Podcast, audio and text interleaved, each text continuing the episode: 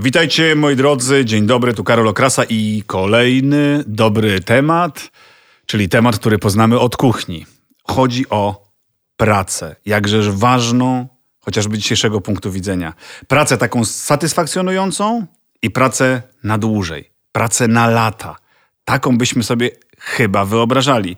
No więc właśnie, czy dobra praca taki termin powinien w ogóle istnieć i cokolwiek on znaczy. Czy możemy jakieś ramy ustalić dla dobrej pracy? Czy ta dobra praca dla nas wszystkich znaczy dokładnie to samo? No bo przecież pokolenie naszych rodziców czy dziadków odpowiedziałoby pewnie, że e, taka praca powinna być bezpieczna, stała, e, często związana z jedną firmą, z jednym zakładem pracy, a najlepiej jakby to była praca na całe życie. I czy dzisiaj jest to możliwe?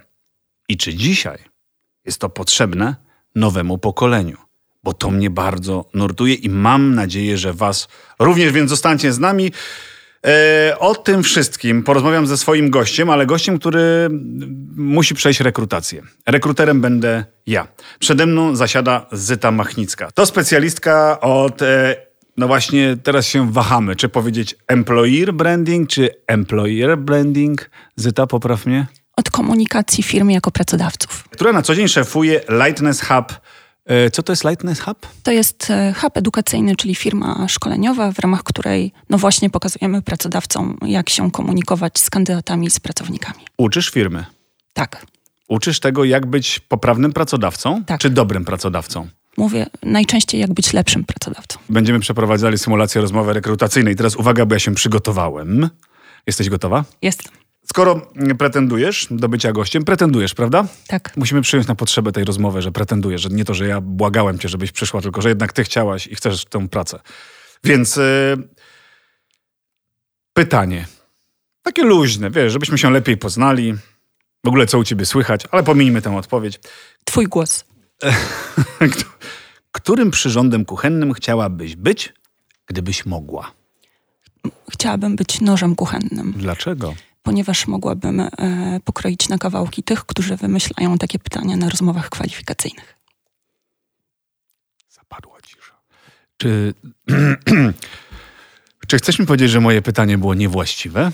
Myślę, że to już są pytania, od których e, dobrze byłoby uciekać podczas rozmów. Ale one się zdarzały one się zdarzały. Wiesz, to, te były pytania na tapecie. Tak, to były nawet pytania, które pojawiały się w Google i to nawet kilka lat temu pojawiła się taka, pojawił się taki duży um, wywiad z Laszlo Bokiem, um, który poinformował o tym, że Google kończy właśnie z tego rodzaju pytaniami um, na rozmowach kwalifikacyjnych, mhm. bo one niczego nie dają, niczego nie sprawdzają, a czasem sprawiają, że to rekruter czuje się lepiej, a na pewno nie kandydat. No właśnie, a nie, nie o to właśnie chodziło, żeby um, ustawić jakąś hierarchię od samego początku? E, myślę, że to jest tak, że faktycznie niekoniecznie mamy do czynienia z partnerstwem podczas rekrutacji, ale dobrze byłoby jednak e, pilnować tego, żeby być blisko tego partnerstwa. Mhm. Bo jednak człowiek, którego chcesz zrekrutować, ma być człowiekiem, z którym chciałbyś pracować przez lata.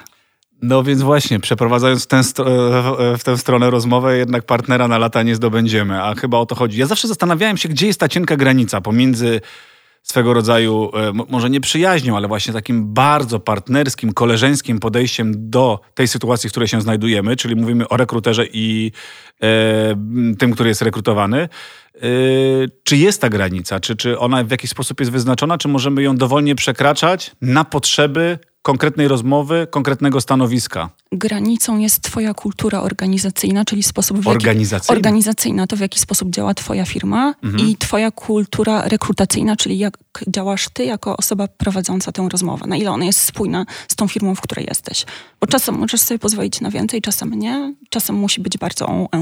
Zyta, Czyli po tej pierwszej części rozmowy i słuchacze pewnie, którzy nas teraz uważnie słuchają, zastanawiają się, e, ja im obiecałem to, że po tej rozmowie będą potrafili zrobić wszystko, żeby zdobyć wypragnioną pracę na lata.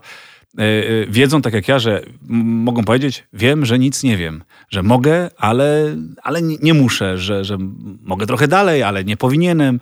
E, więc konkretne pytanie, jak przygotować dzisiaj w kontekście tych rzeczy, o których mówisz, że nie ma jednego formatu rozmowy rekrutacyjnej? Jak przygotować w takim razie dobre CV i czy jest tutaj jakaś metoda, która nam pomoże stworzyć odpowiednie, nie wybiegające za bardzo do przodu, ale też takie, które daje nam szansę zdobycia pracy CV? Nie przygotowuj CV. Dobrze, to to pytanie już odhaczę. Tu miałem jeszcze 30 innych podpunktów, drodzy słuchacze, ale Zyta wyjęła mi wszystkie już, e, wyrzuciła do kosza.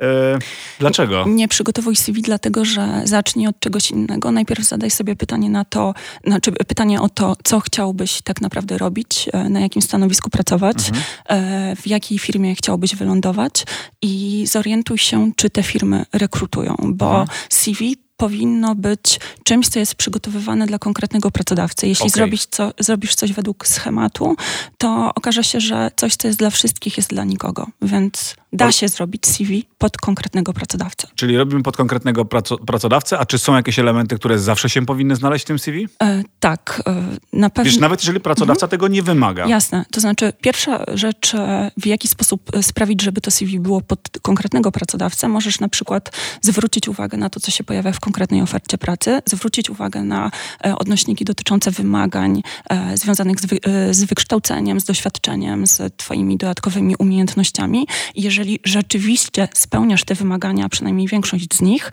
to y, pilnuj tego, żeby pisać w tym CV językiem, który y, pojawia się w ogłoszeniu, bo to myk jest taki, każdy rekruter, który ma przed sobą y, różne CV-ki, mhm. chciałby natrafić na tego kandydata, który mu się idealnie spina z tym, kogo szuka.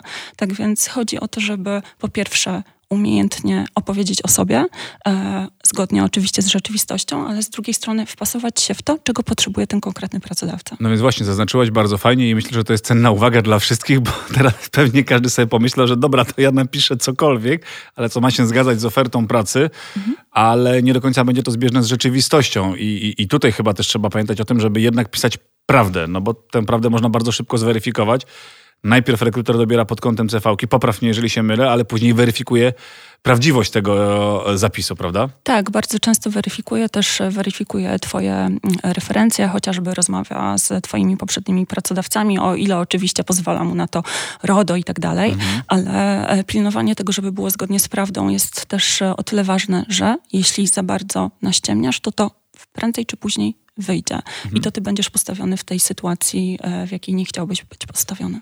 Wiesz co, bardzo często porusza się temat relacji z pracodawcami, szczególnie e, przy odejściu z pracy, żeby, wiesz, modne hasło, nie, nie pal za sobą mostów.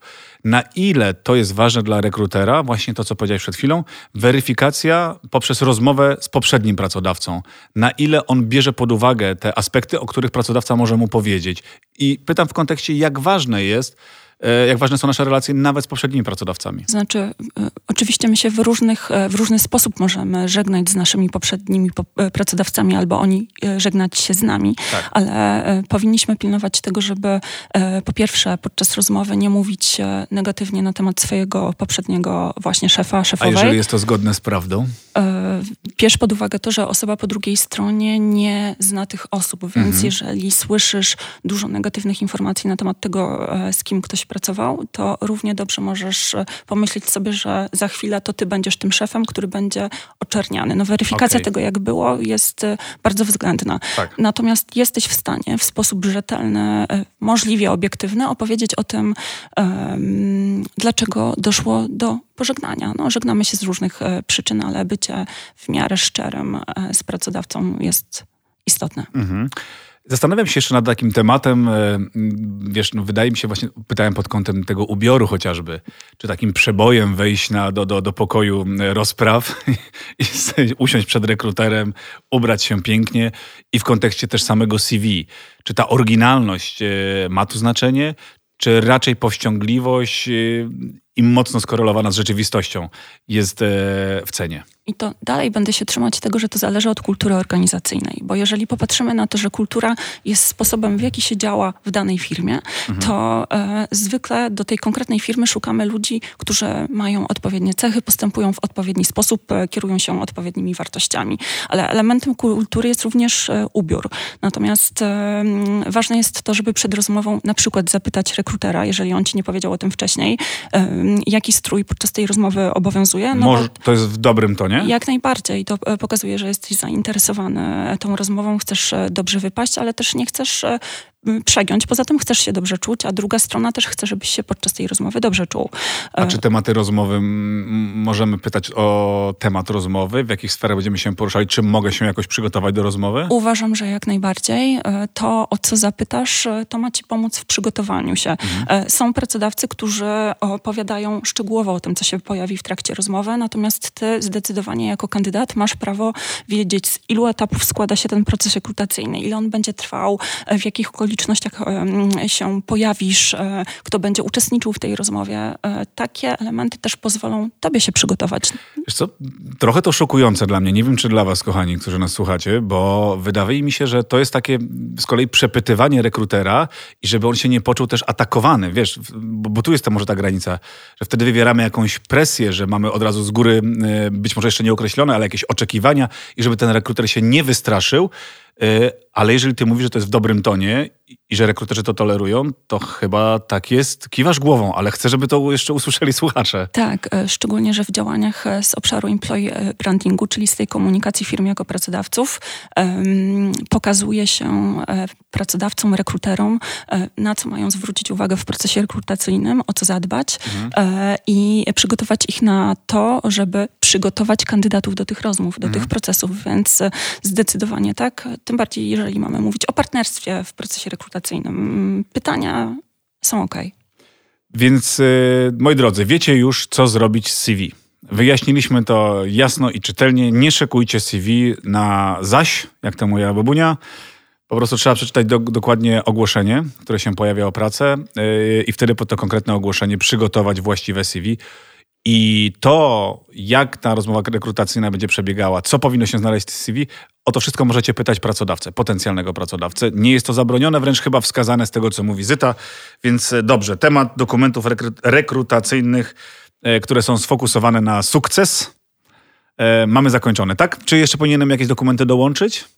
Czasem dołącza się list motywacyjny, natomiast pracodawcy właśnie, od tego odchodzą coraz częściej. Tak, zawsze dwa dokumenty. Wiesz, dlaczego ja tak pytam? Bo ja nigdy no. nie składałem CV i chyba raz w życiu pisałem. To źle? A ile CV przeglądałeś? Dużo, bardzo dużo. A, czyli jest. To masz doświadczenie. Jest zachowany e, równowaga w, w przyrodzie. E, list motywacyjny zawsze i tak dwa dokumenty, które się pojawiają niemalże, czy pojawiały niemalże w każdym ogłoszeniu. Czy dzisiaj list motywacyjny jest konieczny? Zależy od pracodawców. E, coraz więcej pracodawców stosuje na przykład jakieś dodatkowe zadanie rekrutacyjne. E, proszą kandydatów o to, żeby przygotowali na przykład jakąś próbkę swojej pracy, odpowiedzieli na jakieś pytania mhm. albo opowie, opowiedzieli w mailu na przykład, dlaczego aplikują na to konkretne stanowisko.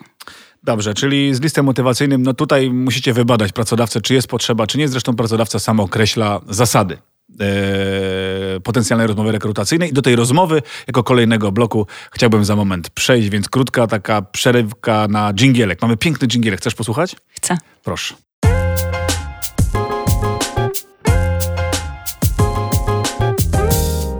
Przechodzimy do kolejnego tematu. Efektywna rozmowa kwalifikacyjna. E, zanim przejdziemy do tego, jak zdobyć tam pracę na lata, bo o tym dzisiaj chcę porozmawiać z Zytą Machnicką, która jest moim ciągle gościem, drodzy słuchacze. E, na tym mi bardzo zależy, żeby zmusić ją do przyznania mi racji, że praca musi być na lata. Ja zostałem tak wychowany i tak, Jezu, jak się na mnie spojrzała, nie będę zmuszał siłą. Będę pytał, no ale być może czasy się zmieniły, a ja tego nie zauważyłem. Rozmowa kwalifikacyjna to kolejny e, temat, kolejny blok. E, są jakieś trendy, są jakieś modele rozmów kwalifikacyjnych, o których mogłabyś nam opowiedzieć dzisiaj? Na ile ten świat się zmienił? Wiesz, to w kontekście nawet początku naszej rozmowy i tego pytania o przyrząd, którym chciałabyś być w kuchni. E, powiedziałaś, że te pytania już się z reguły nie powtarzają, że już od nich odchodzimy. To jak ta rozmowa dzisiaj wygląda? Dzisiaj coraz częściej rekruterzy wykorzystują na przykład elementu, e, elementy wywiadu behawioralnego, wywiadu kompetencyjnego, czyli weryfikują między innymi, czy rozmawiają z tobą na temat e, twoich dotychczasowych doświadczeń, na przykład zawodowych, e, szukają tam elementów związanych z porażkami, z sukcesami, szukają wzorców, czyli tego, co doprowadziło do tego, że postępowałeś w taki, a nie inny, inny sposób. Mhm. i szukają twoich odpowiednich kompetencji w tym Są również prowadzone na przykład sesje assessment center, w których można powiedzieć, że testuje się kandydatów w takiej prawie realnej sytuacji, jakby zareagowali. Przykłady? Na przykład, no. na przykład e, jakaś sytuacja konfliktowa, masz kilku kandydatów, kilka kandydatek i szukasz e, wśród nich lidera. Patrzysz na to, w jaki sposób sobie z tym radzą. Czyli ta rozmowa może przebiegać w większym gronie? E, tak. Bo nam się jak gdyby kojarzy rozmowa kwalifikacyjna, e, tak jak my teraz siedzimy, en face, jeden na jeden, ale z tego, co mówisz, może zdarzyć się tak, że jest kilku kandydatów w trakcie jednej rozmowy, bo wtedy szukamy tego, tego leadership, tak? Na przykład. Y, natomiast wtedy jesteś informowany o tym, że bierzesz udział okay. w sesji mm, konkretnej. I nie jesteśmy tym zaskoczeni. Mm, oby.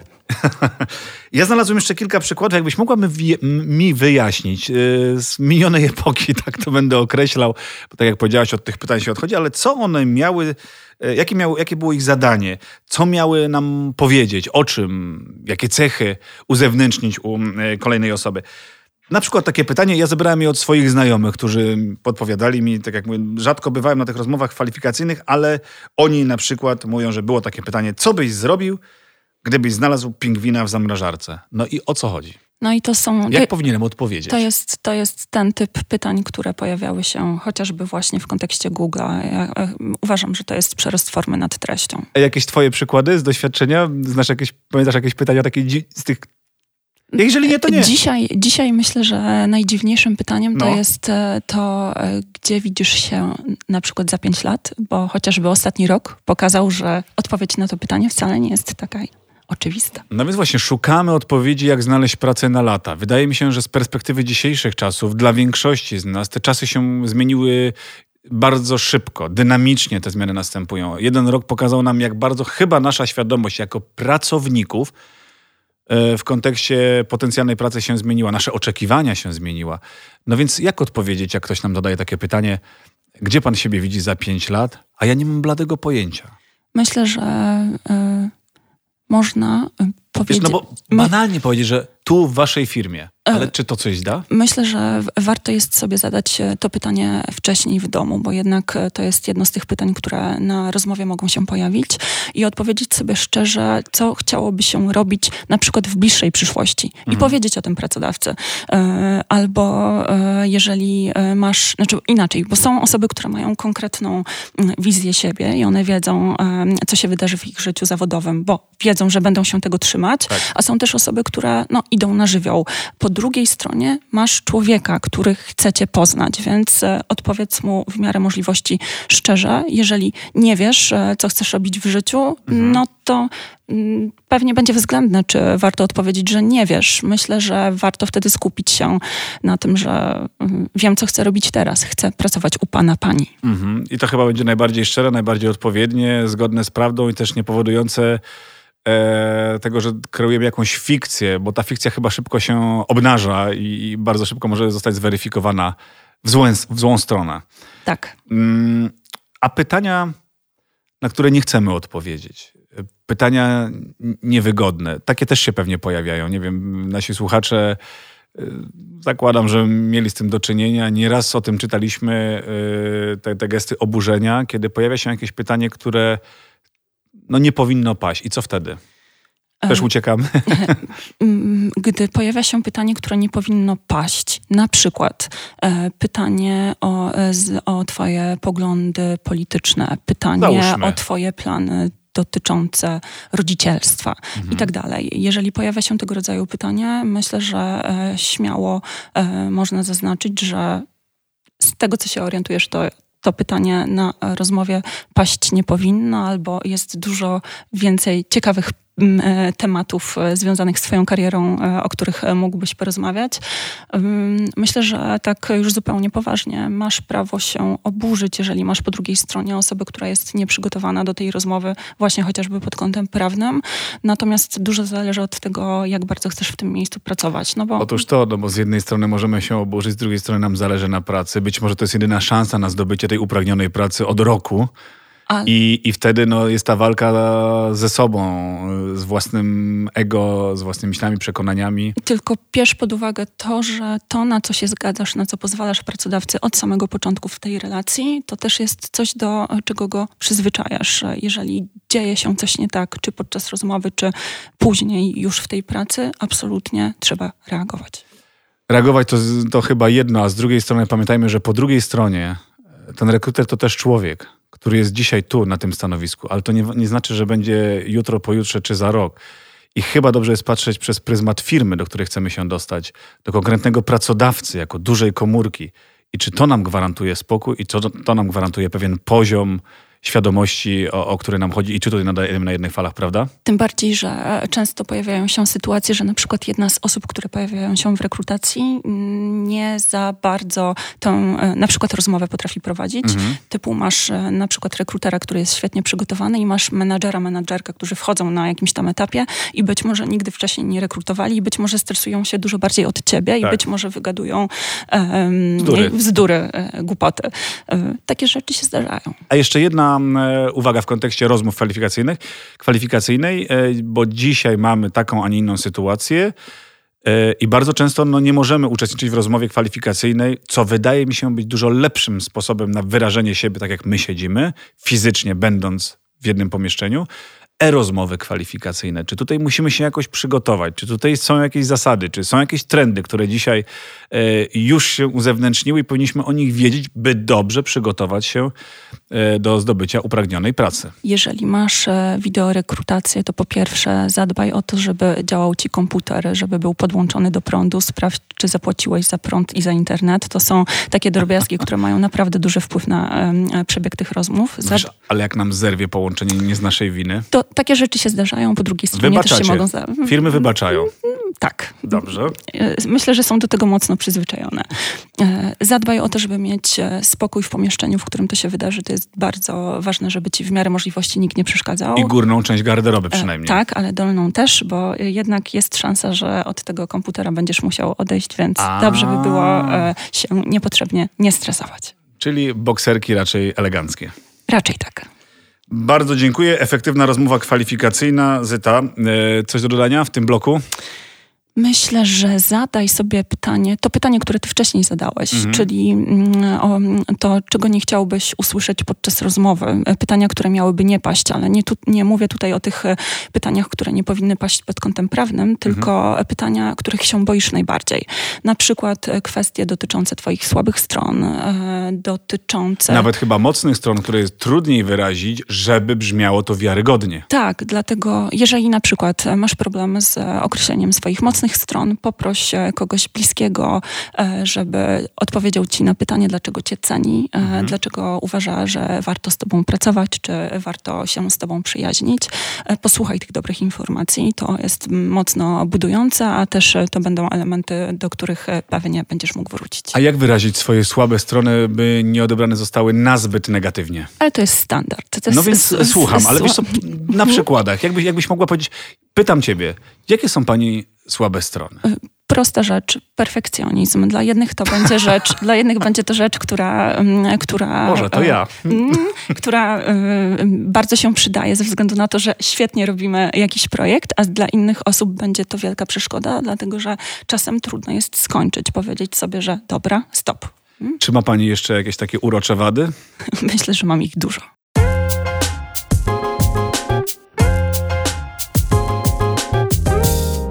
Według ostatniego mm, raportu Pracuj.pl najważniejszym parametrem przy wyborze pracy jest i chyba było wynagrodzenie, czyli kaska, która nam zostaje. 76% ankietowanych tak odpowiedziało, ale na drugim miejscu, co bardzo mile mnie zaskoczyło, jest gwarancja stabilnego i bezpiecznego zatrudnienia. To jest 57% e, ankietowanych i pytanie, czy ta stabilność to wynik czasu pandemicznego, to tak te badania się zmieniły, dlatego że przeszliśmy pewną metamorfozę? Kasa to podstawa. E, to podstawa, która daje nam poczucie bezpieczeństwa, która sprawia, że jesteśmy w stanie poradzić sobie e, na przykład z kredytem, osobami zależnymi od nas, szkołą, studiami itd. Tak Pozwala nam też realizować osobiste plany, więc e, gdy jest kasa, możemy mówić o wejściu na wyższy poziom naszych potrzeb. Tak jak była ta piramida potrzeb, mamy te, tam również piramidę związaną z bezpieczeństwem, a w tym przypadku z bezpieczeństwem finansowym. W czasie pandemii to poczucie bezpieczeństwa jest jest jeszcze ważniejsza, dlatego że jak wiemy, e, wiele miejsc, w wielu miejscach doszło i w dalszym ciągu dochodzi do e, redukcji e, personelu, do, musimy się często rozstawać z naszymi pracodawcami albo nie mamy pewności na przykład, czy pozwolą nam pracować ze względu na lockdown. Mhm. Więc są to elementy, które mają bardzo duży wpływ na to, jak ludzie się w tej pracy czują i jak czują się osoby, które tej pracy poszukują. Więc stabilny pracodawca to dzisiaj dla dla wielu e, pracodawca marzeń, pracodawca, który płaci na czas, który mm, cię nie oszuka, który cię dobrze traktuje. E, to A czy to pracodawca wielu... też taki, który obiecuje na przykład, e, czy to jest brane pod uwagę przez pracowników, no, że z jednej strony, ok, na początku wiadomo, musimy się poznać, dostajemy jakiś ekwiwalent, ponieważ jesteśmy w podcaście Lidla w moim sklepie, więc ja będę się posługiwał tymi przykładami, które znam, jeżeli pozwolisz. z początkiem marca 2021 Lidl obiecuje, że pracownicy sklepów będą zarabiali od 3,5 350 zł brutto do 4350. No nie chodzi o kwoty, ale po okresie, mm, to, było, to będzie na początku zatrudnienia, ale po dwóch latach stażu o te 10% obiecujemy, Lidl obiecuje, że ta pensja wzrośnie. Czy to jest element, który jest dla pracownika ważny z punktu widzenia pracodawcy? Najłatwiej byłoby zapytać ludzi, których ma się na pokładzie, mhm. i do tego najczęściej zachęcamy pracodawców, żeby robić różnego rodzaju e, badania satysfakcji, zaangażowania, czyli wszystko, mm, co pozwoli ci zmierzyć nastroje w firmie e, ale tak na czuja można odpowiedzieć, że no tak, kasa jest ważna, bo od niej się wszystko zaczyna. Prawda, prawda. Z jednej strony pieniążki, z drugiej strony ten rozwój osobisty, możemy obiecywać różne rzeczy, ale jeżeli obiecujemy, że sukcesywnie te pieniążki będą rosły, to chyba też jest e, dobrze. To jest ta stabilność, o którą nam chodzi, o której mówią ankietowani 57% ludzi, prawda? O tę stabilność walczy dzisiaj. Tym bardziej, że te odnośniki dotyczące mm, tego parametru mm, wynagrodzeniowego, one się pojawiają w różnych badaniach na rynku, więc e, jak najbardziej możemy mówić o tym, że jest to trend. Jakie narzędzia pracodawca ma, żeby przekonać tego pracownika? Też nie na siłę go oczywiście zaskarbić, złapać, ale dać mu poczucie tej stabilności, odpowiedzialności, rozwoju osobistego? Oczywiście wszystko zależy od tego, jakie masz możliwości w swojej firmie i w swoim zespole. Natomiast e, podstawową rzecz, o którą możesz dbać, to to, żeby doceniać e, ludzi, których masz na swoim pokładzie.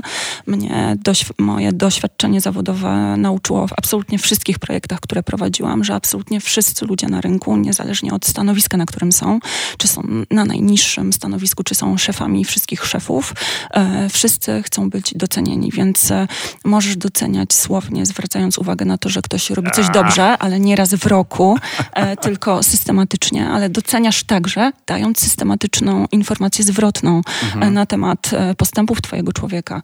Doceniasz również, gdy dbasz o jakieś dodatkowe elementy, czyli na przykład masz jakiś pakiet benefitowy, wiesz, co jest ważne dla twoich ludzi. W Lidlu rzeczywiście jest... Y E, umowa o pracę, traktujemy to jako pakiet? Wiesz, nie, nie umowę zlecenia, a umowa o pracę. Nie, traktujemy to jako część, co jest e, takim głównym elementem oferty. E, pakiet e, tak zwany leczniczy, wiesz, do konkretnej kliniki. Pakiet do, konkre tak. do konkretnego e, do konkretnej siłowni, jeżeli jest jeszcze otwarta. Rozumiem, że też traktujemy to jako pakiet. A, wyprawka dla maluszka, czy wyprawka pierwszoklasisty, prezenty bożo bożonarodzeniowe, to jest ważne?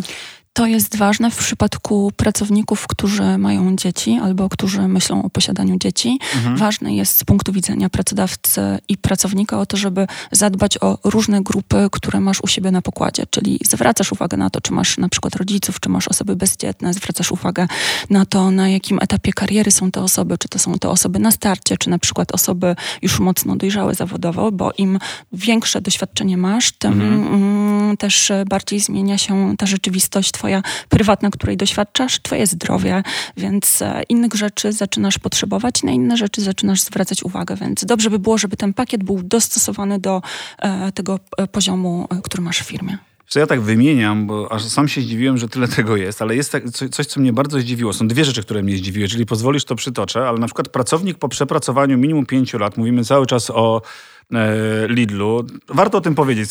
Każdy pracownik po tych pięciu latach może skorzystać z dodatkowego urlopu trwającego od 1 do 3 miesięcy. E, grubo. Znaczy, wiesz, ja patrzę z punktu widzenia siebie jako pracodawcy też u siebie w małej komórce mm, społecznej, w mojej firmie, gdzie zatrudniam kucharzy, oddanie trzech miesięcy urlopu, czy też danie trzech miesięcy urlopu, to już jest duża rzecz. No ja też od 16 lat nie byłam na urlopie dłuższym niż dwa tygodnie, więc jestem pod wrażeniem. Ale jest jeszcze jeden, powiedziałem o dwóch rzeczach. Druga rzecz, program wsparcia pracowników i to jest turbofajna, mm, turbofajne wydarzenie, czyli możliwość konsultacji prawnych, finansowych i psychologicznych w czasie epidemii e, czyli takie nawet teleporady organizują, bo dzisiaj chyba jest to problem. W momencie, kiedy pracownicy, którzy na co dzień spotykali się z ludźmi, którzy na co dzień uczestniczyli w wielu spotkaniach, odbywali miliony konferencji, raptem zostali w domach i to nie był problem przez pierwsze dwa, trzy miesiące, mówiło się o takim początkowym szoku. A teraz się pojawia ten efekt długofalowej pandemii, długofalowego siedzenia w domu. My nie jesteśmy po prostu do tego stworzeni. Tak, i dodatkowo niepokoimy się o siebie, o nasze zdrowie, o naszych bliskich. E, zdecydowanie też e, różnego rodzaju badania na rynku e, utwierdzają nas w przekonaniu, że po pierwsze, Polacy są tym narodem, który ponoć niepokoi się najbardziej mhm. dzisiaj, jeśli chodzi o swoją przyszłość, zwłaszcza zawodową i o swoje zdrowie. Po drugie, zadbać o ludzi, o, zadbać o ludzi dzisiaj możemy właśnie w taki sposób, zwracając uwagę na ich ten ładnie brzmiący dobrostan e, psychiczny, fizyczny, więc e, to są naprawdę fajne opcje, e, szczególnie mm, ta możliwość konsultacji z kimś w obszarze prawnym albo z psychologiem. To są takie benefity, które pracodawca, ja o tych, cel, o tych mm, działaniach celowo mówię, bo pracodawcy też na rynku pracy ścigają się ze sobą. Znaczy może nie ścigają, rywalizują, konkurują starając się oczywiście zadowolić pracownika, to jedno, ale są też za to nagradzani, prawda? Bo, bo, bo wiem, że takie konkursy się odbywają. Tak, odbywają się różnego rodzaju konkursy na rynku, na przykład organizowane przez HRM Institute, przez EB Institute, przez różne podmioty, które mm, nagradzają pracodawców za e, to, że są dobrymi pracodawcami, e, mhm. za to, że się we właściwy sposób komunikują z kandydatami i z pracownikami. A czy możesz wyjaśnić mi dobrze, bo tutaj koleżanka mi z kolei napisała, że w raporcie HRM Instytut Lidl jest liderem EB w Polsce i przeprowadził najlepszą kampanię EB w 2020 roku. No właśnie, to jest kampania e, z obszaru komunikacji z kandydatami i z pracownikami, więc to są rzeczy, które mają. Przyjemna znaczenie. nagroda. No, gratuluję. No to teraz jeszcze w kontekście tych zmian, które się dokonują, czy ty jesteś w stanie odpowiedzieć na pytanie, jaka jest przed nami przyszłość, czy jesteśmy w stanie to w jakikolwiek sposób określić. Wiele osób mówi, że ten świat, który znaliśmy, już nie wróci. Świat w kontekście rynku pracy e, i relacji pracownik i pracodawca być może też, bo mm, no wiemy, że według raportu Deloitte, też taki raport powstał, w 2025 roku 75% pracowników będą stanowić milenialsi i postmilenialsi i pytanie, co to oznacza, jakie są ich oczekiwania, czy jesteśmy w stanie to w, jakiś sposób, w jakikolwiek sposób przygotować, yy, zweryfikować. Czyli mówimy tutaj o osobach urodzonych po 79 lub po 80 mhm. roku. Mhm. Wiesz co, gdy ja patrzę na to, co przed nami na rynku pracy, to mm, nie jestem pewna, czy pokolenia są aż tak bardzo ważne, bo bierzmy pod uwagę to, że pokolenia są formą upraszczenia rzeczywistości. My mamy w jakiś sposób zostać wrzuceni w szufladki po to, żeby móc powiedzieć, że my jesteśmy, my na przykład chętniej korzystamy z technologii albo zwracamy uwagę na jakieś aspekty związane z, mm, z pracą w danym miejscu, ale to są też rzeczy, które się zmieniają na przestrzeni lat. Mhm. Natomiast to, co jest niezmienne i co nam też pokazują wyniki barometru zaufania Edelmana już od kilku lat, lat. E, barometr, barometr zaufania. zaufania to się zresztą pięknie nazywa.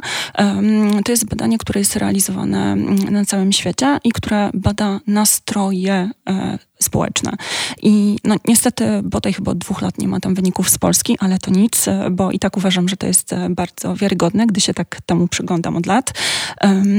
W barometrze zaufania wychodzi na to, że pracodawcy są najbardziej wiarygodnym źródłem informacji na rynku dla ludzi.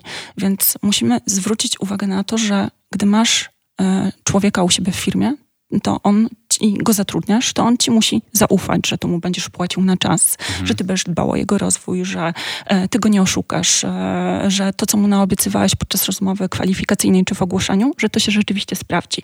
Czy że jeśli mu powiedziałeś, że to jest praca na lata, to mhm. że to będzie faktycznie praca na lata.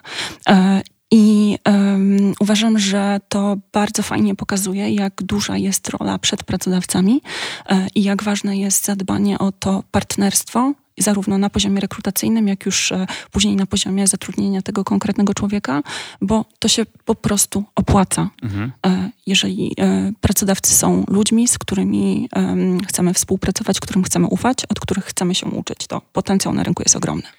Ale płynnie w zasadzie przechodzimy do kolejnego, ostatniego bloku naszej rozmowy, więc może tak, zakończę blok pod tytułem Strefa komfortu pracownika, strefa pracownika. Wydaje mi się, że odpowiedzieliśmy na wszystkie pytania, jak należy się zachowywać, czego oczekiwać i że możemy generalnie mieć oczekiwania, które nam są potrzebne, bo to tylko kwestia weryfikacji właściwej pracy, do której chcemy się dostać i chyba zaufania, tak jak powiedziałaś, pracodawcy. Ale jak zaufać pracodawcy i czy pracodawca idealny istnieje? Gdzie go szukać? Na to pytanie odpowiemy za chwilę. Bo teraz co będzie? Muzyka.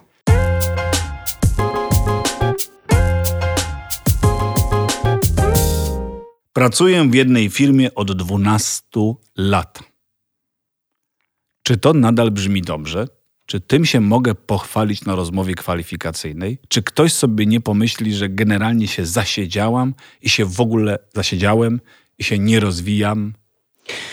Daj spokój. Dopóki wierzysz w miejsce, w którym jesteś i w ludzi, których masz obok siebie i dopóki ufasz e, swojemu pracodawcy i czujesz, że jeszcze masz coś tutaj do zrobienia, to bądź w tej firmie. E, mhm. Nie ma co się patrzeć na jakieś e, do, dodatkowe komentarze w stylu, że jesteś tutaj za długo. Masz prawo pracować przez lata.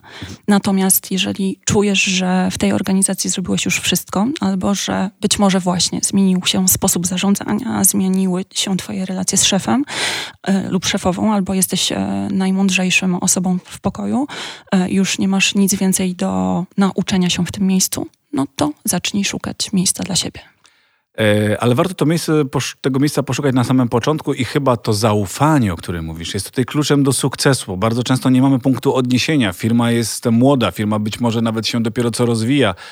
I chyba te firmy też potrafią otworzyć się, jeżeli tak mogę powiedzieć, przed pracownikiem i wspólnie budować ten potencjał, który później za kilka lat może przynieść nam wymierne korzyści.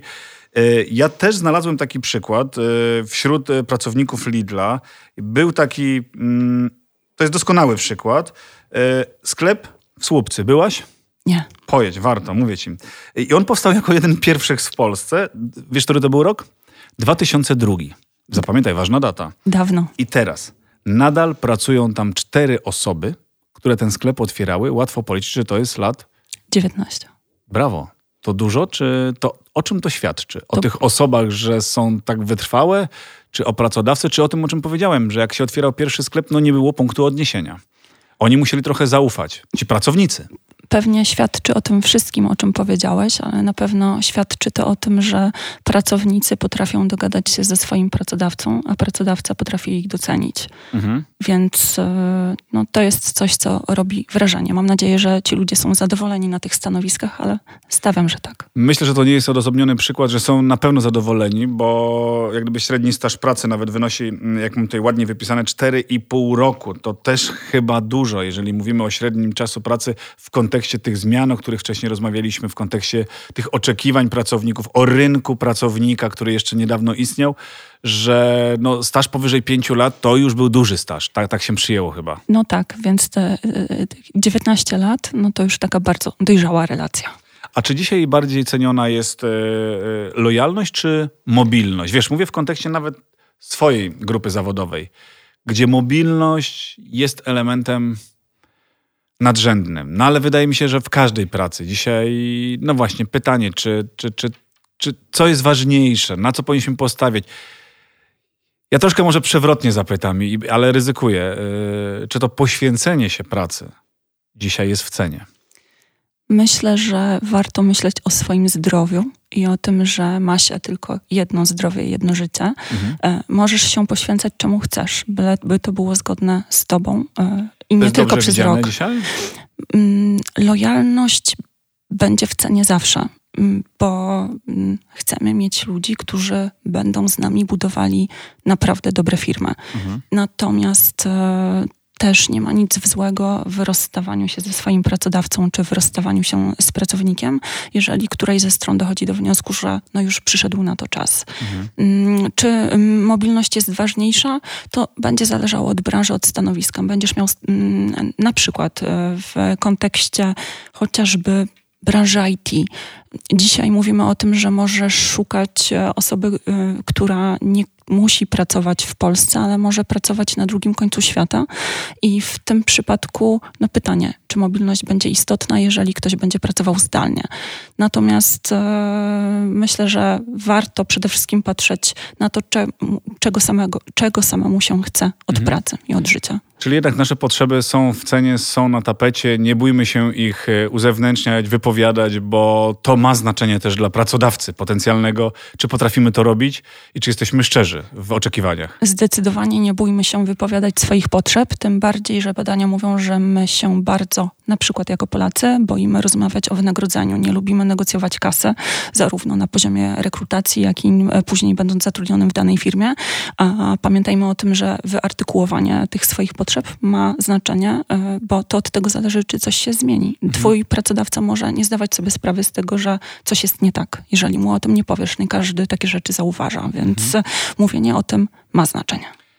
A jak szukać tego idealnego pracodawcy, skoro mówimy o idealnym pracodawcy? Czy są jakieś e, tutaj wytyczne e, z Twojej strony? Bo słuchają nas słuchacze, którzy prawdopodobnie będą się tym kierować, więc czy w ogóle taki termin istnieje, idealny pracodawca i poszukiwania idealnego pracodawcy? E, termin istnieje, pracodawca idealny nie istnieje, bo mhm. każdy będzie szukał czegoś innego.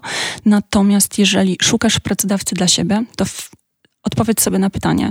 Um, jakiego rodzaju miałaby to być branża, obszar działania, e, w jaki sposób ta firma powinna działać, na jakich wartościach się opierać, jak traktować ludzi, z którymi współpracuje czy pracuje i rozejrzyj się w pierwszej kolejności wokół siebie. Ja mam mhm. wnioski takie, że my czasem szukamy bardzo, bardzo daleko, po czym się okazuje, że być może w naszej miejscowości e, jest przedsiębiorstwo, do którego warto byłoby się wybrać, przyjrzeć mu, e, miejsce lub osoba nim zarządzająca, którą naprawdę szanujemy. Być może nie myśleliśmy nigdy o tym, żeby się z nią, z nią wiązać z, tym, z tą konkretną firmą, a czemu nie, jeżeli to byłoby spójne z nami. Mm, możesz też też oczywiście mm, zwrócić uwagę na przykład na to, co mm, te firmy komunikują. Wiele informacji znajdziemy na przykład e, na Facebooku, na LinkedInie, e, w innych serwisach społecznościowych, na stronie internetowej, w części e, dotyczącej pracy, kariery. Pracodawcy lubią się chwalić tym, co robią dla swoich pracowników i dla swoich kandydatów, ale oczywiście bierzemy pod uwagę to, że tak czy inaczej będziemy weryfikować, czy jest to zgodne z rzeczywistością, więc będziemy pytać naszych znajomych, więc zwróć uwagę na to, czy masz wokół siebie ludzi, którzy są zadowoleni z miejsc e, pracy, e, z którymi są związani. Dowiedz się, jak to wygląda e, Teraz e, też, e, zwłaszcza w, czas, w czasie pandemii, są organizowane różnego rodzaju, mm, na przykład wirtualne targi pracy, czyli możesz e, popatrzeć na to, co robią konkretne firmy w internecie, odwiedzić wirtualne stoiska. Możesz wziąć udział na przykład w rozmowach takich wstępnych, tak zwanych open dayach, czyli dniach otwartych, realizowanych na przykład na Messengerze, czyli pogadać sobie z człowiekiem, który pracuje w danej firmie, więc mm. możliwości naprawdę są, ale też rozejrzyj się w swojej okolicy, czy nie ma jakichś informacji, na przykład jakiegoś billboardu, jakiegoś baneru z informacją o tym, że ktoś szuka roboty, bo może to jest pracodawca dla ciebie. Ilość czy jakość? Mówię o rozmowach kwalifikacyjnych. Jak byś się radziła ze swojego punktu widzenia? Czy się umawiać na kilka rozmów, czy starać się o tą jedną wymarzoną, upragnioną, upatrzoną pracę? Oczywiście jakość, ale bierzemy też pod uwagę to, że e, i kandydat, i pracodawca chcą mieć e, coś w zapasie, więc nie ma nic złego w tym, że e, będziesz rozmawiał z kilkoma pracodawcami. A komunikować to pracodawcy?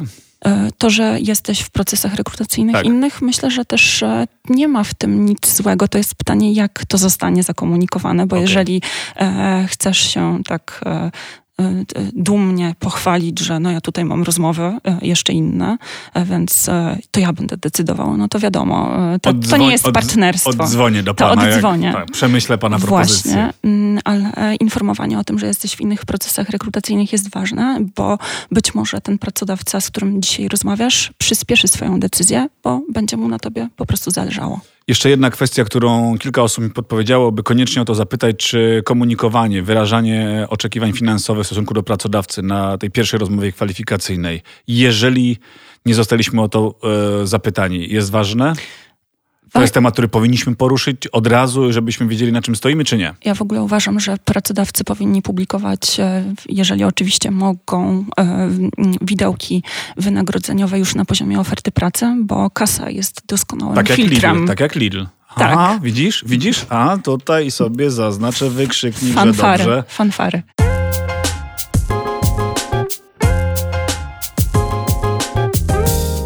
Mówiliśmy o tym, że rzeczywiście e, ta komunikacja oczekiwań z jednej strony pracownika, ale z drugiej strony pracodawcy jest ważna. Tak, jako przyszły pracownik jak najbardziej pytaj o te możliwości finansowe, zapytaj jak to wygląda i zobaczymy, co ci pracodawca powie. No, niektórzy nie powiedzą, to to już od ciebie będzie zależało, czy będziesz chciał czekać do jednego z ostatnich etapów na odpowiedź na to pytanie.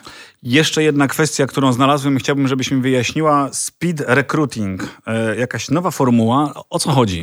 Mówimy o takich bardzo szybkich rekrutacjach. Na przykład możemy zorganizować spotkania, podczas których e, kandydat ma do wyboru różnych pracodawców i na przykład e, ci, którzy interesują go bardziej, z nimi spędza trochę więcej czasu podczas rozmowy, albo sytuacje, w których e, w trakcie jednego dnia przechodzisz przez różne etapy procesu rekrutacyjnego, jeśli oczywiście się sprawdzisz, etapy, jeśli tak. oczywiście przechodzisz. Mhm. Więc w speed recruiting chodzi o to, żeby skrócić ten czas, który zwykle poświęcamy na znalezienie właściwego człowieka i znalezienie niewłaściwego pracodawcę, po to, żeby w ramach e, właśnie takich, powiedziała, szybkich okoliczności, dobrze dopasowanych do ludzi i do pracodawców, móc jednym i drugim się wykazać, sprawdzić i ten proces przyspieszyć.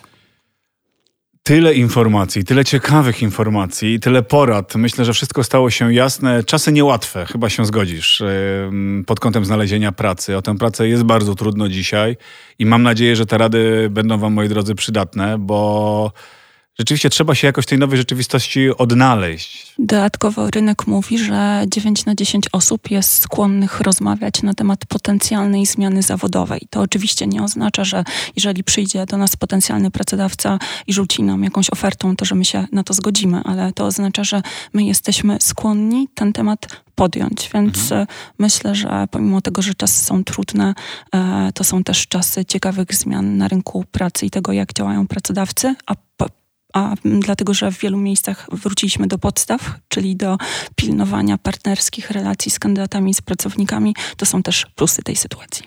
Czyli idealny pracodawca powiedziałeś, że nie istnieje. Nie istnieje. Patrzysz na takiego pracodawcę, istnieje. Ja jestem idealny, tylko z wyraźnymi wadami.